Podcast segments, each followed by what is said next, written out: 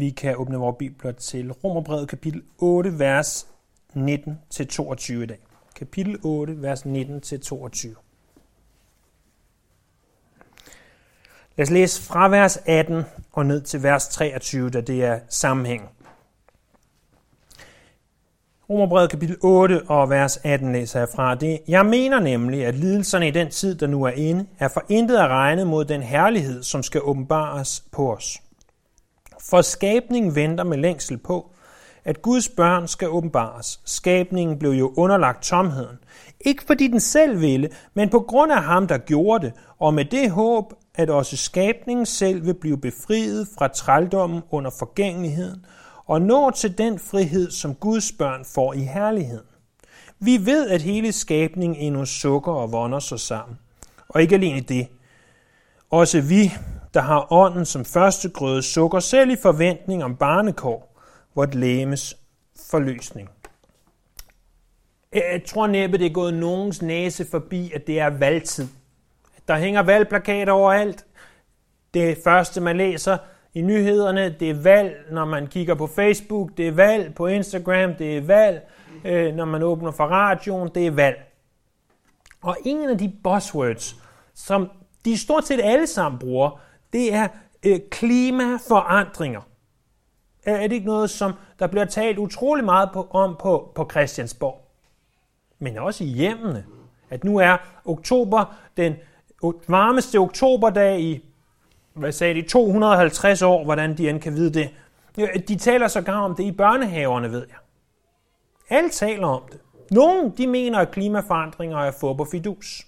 Andre, der er det det absolut vigtigste, de kan gå op i. Og jeg skal ikke forsøge at gøre mig klog på, hvad der er rigtigt og forkert, for det kan jeg ikke. Det har jeg ikke øh, al den viden til, der skal til. Men, men lad mig øh, sige en ting ganske klart, for det har jeg den viden til, der skal til, at klimaforandringer er ikke roden til vores problemer.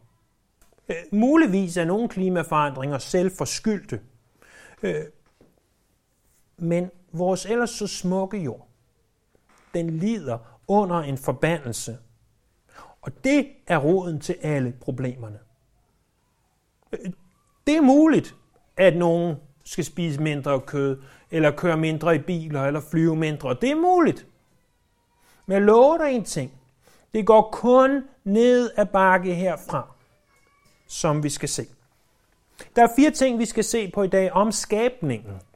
Vi skal se, at den venter. Vi skal se, at skabningen er underlagt, at den bliver befriet, og at den sukker. Først det her med, at skabningen venter. Det er vers 19.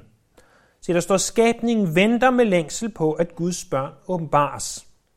Det første, vi må slå fast, det er, hvad det her ord skabningen betyder. Øh, fordi det er et ord, der faktisk fremkommer i alle fire vers. Hvad betyder det? Jeg tror nemmest, vi forstår, hvad det betyder ved at se på, hvad det ikke betyder. Øh, vi forstår, at skabningen venter med længsel på. Jamen, vi må først se, at det kan ikke være de gode engle, der er tale om her som skabning. De er jo skabt, det ved vi, men de er ikke underlagt tomhed. De syndede ikke. Så, så det kan ikke være de gode engle. Det kan heller ikke være de onde engle, altså det vi typisk kalder dæmoner, fordi de venter ikke på Guds børn åbenbares. De kunne ikke være mere ligeglade. Øh, det kan heller ikke være ufrelste mennesker. For de ufrelste mennesker, de venter heller ikke på, at Guds børn åbenbares. Det er det, vi ser i blandt andet Efeserne kapitel 2, vers 1-3, øh, og at vi også ser her i vers 19. Men det kan heller ikke være de, som er frelste, de kristne. Fordi de omtales specifikt i vers 23. Så hvad er skabningen? Så hvad står vi tilbage med? Når der tales om skabningen, så står vi tilbage med dyrene, vi står tilbage med naturen, altså havet og bjergene og dalene og engene og, og sol, solen og stjernerne og planeterne osv. Det er skabningen. Så siger du, er det, er det ikke lidt langt ude? Er det ikke lidt langt ude at sige, at skabningen øh, venter med længsel på? Og, altså, jeg har prøvet at tale til en sten, den, den sagde ikke så meget. Og, og selvom min nu afdøde farmor mente, hun talte med fuglene ind imellem, så tænkte vi nogle gange, at, at hun var lidt kukuk, no pun intended, når hun, når hun sagde det. Altså helt ærligt. Men, men prøv at høre. Salme 96, vers 11 og 12. Salme 96, vers 11 og 12. Himlen skal glæde sig, og jorden skal juble, havet med alt, hvad det rummer, skal larme. Marken med alt, den bærer, skal juble. Alle skovens træer skal råbe af fryd. Det er jo næsten som en scene fra en Narnia-film, eller en Ringens Herre-film, eller andet, hvor vi ser, at træerne de vågner op og kommer op står op til kamp. Sådan læser vi det næsten. Så prøv Isaias kapitel 35, vers 1. Isaias bog, kapitel 35. Vers 1. Isaias, kapitel 35. Vers 1. Ørkenen og det tørre land skal glæde sig.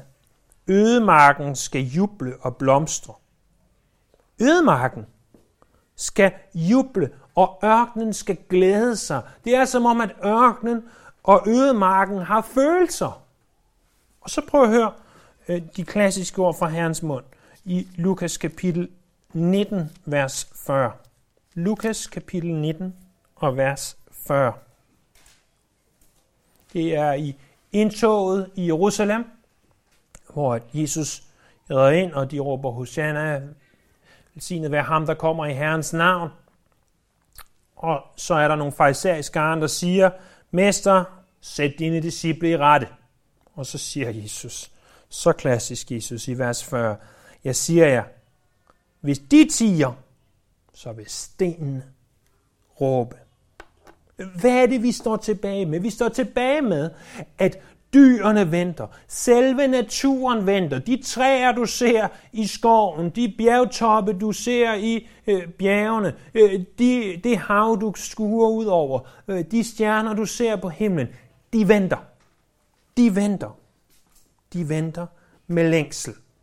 Øh, det at vente med længsel, det, det er et specielt ord, der, der lidt er, øh, hvis jeg skal illustrere det på egen krop, sådan at man står på tæer med strækt hals og står og kigger, kommer de ikke snart? Eller hvis vi skulle illustrere det på en anden måde, så har I måske, hvis man sidder ved en restaurant og venter på, at nogen skal, skal komme og spise sammen med en, Øh, Øh, så sidder man måske hele tiden og kigger sig over skulderen. Kommer de ikke snart? Kommer de? Hvad er de her nu? Og man kigger nærmest hver 30. sekund. Næsten helt manisk. Det er sådan, at skabningen venter på, det skal ske. Og hvad er det så, skabningen venter på? Skabningen venter på, at Guds børn åbenbares. Øh, som vi igen og igen har fået slået fast i Romerbrevets 8. kapitel, så er du og jeg allerede Guds børn vers 14-17. Vi får det bekræftet af 1. Johannes kapitel 3, vers 1. Vi får det også bekræftet i Johannes evangeliet kapitel 1, vers 12. Og selvom du allerede er Guds barn, så er det ikke åbenbart, at du er Guds barn for verden. Dem uden for kirken, de ser os som en flok religiøse fanatikere, måske ikke meget anderledes end nogle muslimske ekstremister. Men en eller anden dag, der skal det stå klart, hvem der i sandhed er Guds børn. Ikke bare alene over for verdens børn, men også over for skabningen. Vi læser blandt andet om det i Kolossenserbrevet kapitel 3, vers 4. Så vi ser først og fremmest, at skabningen venter. Den venter på, at Guds børn skal åbenbare sig. det skal blive klart, hvem der er Guds børn. Men så ser vi ydermere i vers 20, at skabningen er underlagt. Der stod, skabningen blev jo underlagt tomheden, ikke fordi den selv ville, men på grund af ham, der gjorde det, og det med håb. Da Gud han skabte verden, der skabte han den som god. I 1. Mosebog kapitel 1, der står ordet god i alt, eller godt i alt, syv gange i vers 4, 10, 12, 18, 21, 25 og 31. Jeg tror næppe, at de syv gange er tilfælde. Syv, som er helhedstallet at alt var godt. I den gamle oversættelse, danske oversættelse fra 1948 øh, og 30'erne var det gamle testament reelt fra, øh, der har vi udtrykket, at det var så godt. Eller på engelsk, very good. Øh, sådan var det oprindelige skaberværk. Det var very good, det var så godt, det var virkelig godt. Og, og jeg må jo erkende, at når jeg ser en solopgang, eller havet, der bruser ind over kysten, eller en sneklædt bjergtop, så, så tænker jeg stadigvæk, at ah, det hele det er så godt. Men det, var ikke, det er ikke så godt, som det var i 1. Mosebog, kapitel 1 og 2. For i kapitel 3, der skete noget andet. Noget skæbne svangert, om du vil, for skabningen. Det var ikke skabningens egen skyld, står der. Det var noget, den blev underlagt. Hvem underlagde skabningen det her? Der er én eneste, der kan underlægge skabningen noget. Det er ikke dig og mig. Det er ikke Adam. Det er ikke Satan. Det er Gud Herren selv, der kan underlægge skabningen noget. Der er ingen andre, der har den magt. Og hvad er det? Den bliver underlagt. Der står i vers 20, at den bliver underlagt tomheden. Ordet tomhed eller nyttesløshed. Uden form for reel værdi. Og hvad er det, den blev underlagt? Prøv at se en gang i 1. Mosebog, kapitel 3 hvor synden introduceres ind i verden. 1. Mosebog, kapitel 3.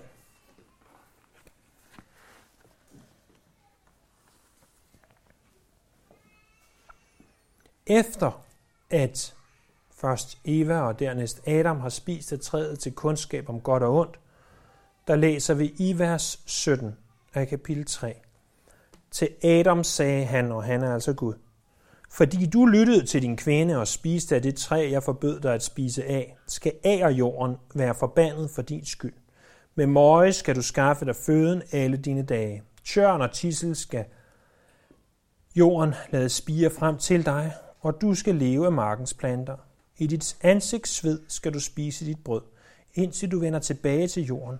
For at den er du taget, ja, jord er du, og til jord skal du blive på grund af syndefaldet, på grund af det Adam gjorde, så siger Gud, nu underlægger jeg jorden alt det fordømte ukrudt, du skal, eller i hvert fald bør, luge ud af din have hver eneste år. Så hver eneste gang, du tager et stykke ukrudt op, som kommer op mellem fliserne, de kan komme op alle steder. Ikke? I ved, hvis man prøver at plante en plante, man gerne vil have, så dør den. Hvis man gerne vil af med ukrudtet, så det kan man simpelthen ikke komme af med. Det gror op alle steder. Og grunden til, at ukrudtet kommer, 1. Mosebog, kapitel 3, vers 17-19. Tislerne er der på grund af det. Jeg tænker, tornene på, på roserne, på andre ting, er der på grund af det. For at minde os om synd. Fordi at skaberværket er underlagt en form for forbandelse. Kan jeg tilføje til det her, og det tror jeg godt, jeg kan med rette, øh, vulkanudbrud, eller orkaner, eller oversvømmelser, tsunamier, jordskæl, sågar i en eller anden grad. Og igen, jeg skal ikke gøre mig klog på, hvad alle klimaforandringer skyldes, men, men klimaforandringer overordnet set, ikke nødvendigvis det selvforårsagede, fordi vi forurener mere, end vi nogensinde har gjort, osv., men, men den overordnede klimaforandringer, syndfaldet.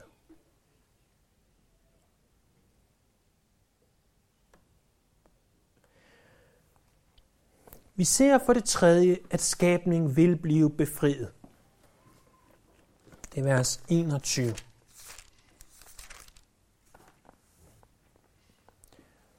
og også skabningen selv vil blive befriet fra trældommen under forgængeligheden og nå til den frihed, som Guds børn får i herligheden. Der vil, der vil komme en dag, hvor at skabningen bliver befriet. Øh, formodentlig vil det her ske, og der hersker diskussion om det som om så meget andet. Når trækselstiden er overstået, og tusindårsriget oprettes. Og her vil det stå klart, hvem der er Guds børn, og vi vil se naturens orden genoprettet. Vi vil se, at løven og lammet vil ligge sammen i Esajas kapitel 11, vers 6-9. Hvad så med vores liv i dag? År 2022. Jesus er ikke kommet igen. Og de snakker stadig om alt det her. Men det er fint, hvis du skal fordele din skrald i 10, 15, 25, 50 forskellige skraldespande. Øh, til sidst har vi ikke plads til dem alle sammen, men sådan er der så meget. Det er også godt nok, at du samler plastik op efter dig. Bliv endelig ved med det. Og hvis du gerne vil lade være med at spise kød, så gør du bare det. Og hvis du gerne vil skrue ned for varmen, så er det sikkert også fornuftigt. Øh, øh, hvis du kører i en økonomisk bil, der kører langt på literen, eller springer en biltur over, ganske godt. Lad os ikke skændes om det. det. Det er politik. Og det, det er ikke derfor, vi er her. Men én ting står sikkert og vist. Intet politisk parti. Ingen demonstrant. Ingen indsats vil ultimativt redde denne jord. Lad os passe på det, som Gud har givet os. Men lad os ikke forblænde os selv til at tro, at vi kan genoprette det, som Adam begyndte, og det, som Gud underlagde den her jord. Det kommer ikke til at ske. Det kommer ganske simpelt ikke til at ske. Vi vender ikke cyklus rundt på synden. Øh, vi, vi kan ikke tage øh, den synd og, og den forbandelse, som jorden blev underlagt i 1. Mosebog kapitel 3, vers 17-19, og tro, at ved at vi fordeler skraldet nok, og at vi skaber biler, som gør kører på den rigtige måde, at så stopper det. Det stopper ikke. Der er en eneste måde. Det er, når Jesus kommer igen. Det er det, vi bør længes efter. Det er det, som Peter taler om i sit brev. Vi bør endda fremskynde. Vi bør gøre alt, hvad vi kan, for at det må ske. Hvordan? Ved, at vi prædiker evangeliet for alle mennesker. Således, at de, som han har kaldet på, de må komme til frelse. Men vi ser også som det fjerde og sidste, at skabningen sukker. Det er vers 22. Vi ved, at hele skabningen endnu sukker og vonder sig sammen.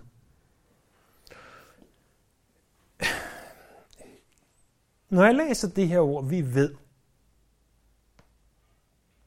og så lige stopper op og tænker tilbage på, at Paulus han skrev det her sådan små 25 år efter, at Jesus han døde, til en menighed i Rom, hvor han aldrig selv havde været, der ikke havde internet, der ikke havde podcast, der ikke havde alle bøger tilgængelige, både online og mulighed for at købe dem, og alle de ressourcer, som du og jeg vi har. Så skriver han til de her primitive kristne, hvor mange af dem sikkert har været slaver, og siger, vi ved, vi ved godt, det er sådan her. Jeg ved det, du ved det, og så tænker jeg tilbage, jeg fatter dårligt nok, hvad du siger.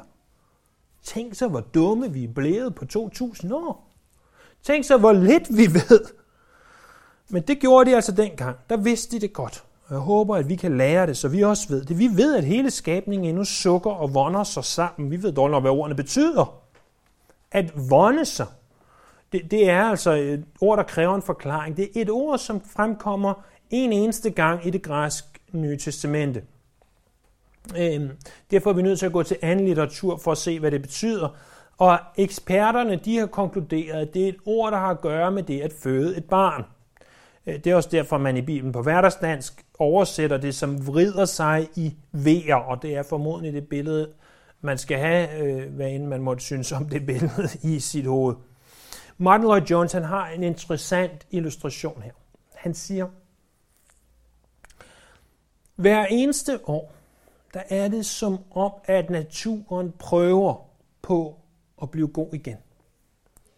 Martin Lloyd Jones boede i England, og ligesom Danmark har i England årstider, øh, en mørk, relativt mørk og våd vinter, og så kommer forår. Og det er jo eminent, det er jo smukt at se blomsterne, der springer ud, og bladene, der springer ud, og varmen, der kommer tilbage. Og det, det er lidt ligesom om, at, at naturen siger, jeg prøver, jeg prøver, jeg prøver, jeg prøver. Og så står den der om sommeren, men så lige pludselig så kommer efterår igen, og så kan den ikke mere, og så dør den lidt igen, og så prøver den igen næste år. Den kan ikke, den sukker sig, Åh, kan du ikke, Jesus, snart komme tilbage igen, så det her kan blive genoprettet. Så det kan komme dertil, hvor det var.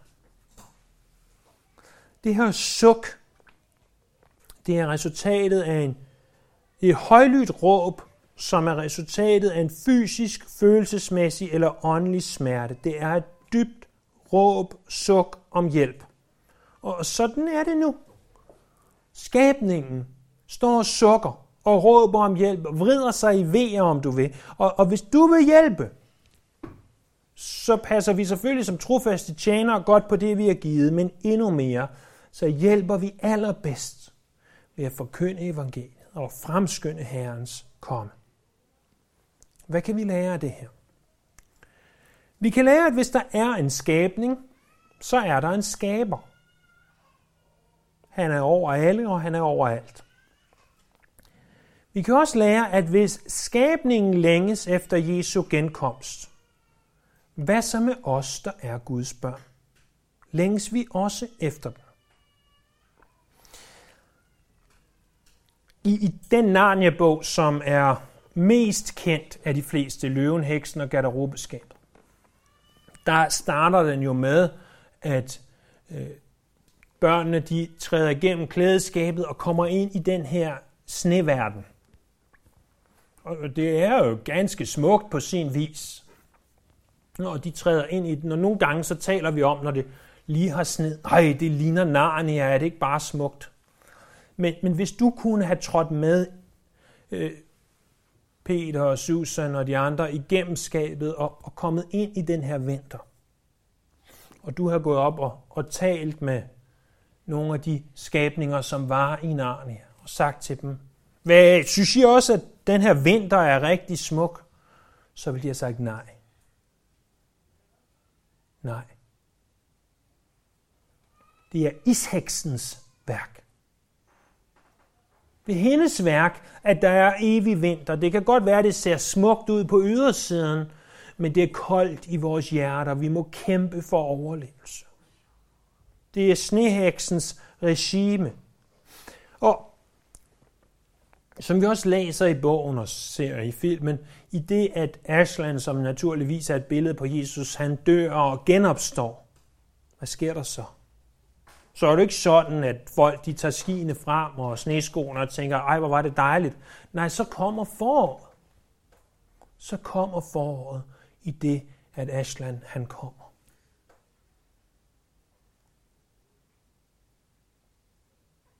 På sin vis, der lever du og jeg i en evig vinter. Men når løven af Juda vender tilbage, så kommer der et evigt forår. Ikke mere ukrudt. Ikke mere flere ozonhuller.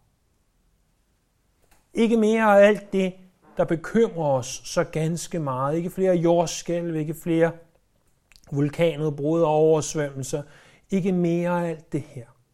For løven af Juda vil genoprette det alt sammen. Og vi kan kun stå tilbage og sige, Herre, kom snart. Lad os bede. Himmelske Far, skaber Gud. Jeg ved godt, at det bliver lidt abstrakt det her, at tale om, at, at jorden, skabningen vrider sig og vonder og sukker og så videre. Men her må vi alligevel kunne have det her billede ind for os af, hvad det er, der foregår. Og må vi glæde jer fremskynd din komme, Jesus. At alt igen må blive, som du havde tiltænkt. Vi lægger resten af denne søndag i dine hænder. I det vi tilbeder dig, priser dig og ærer dig.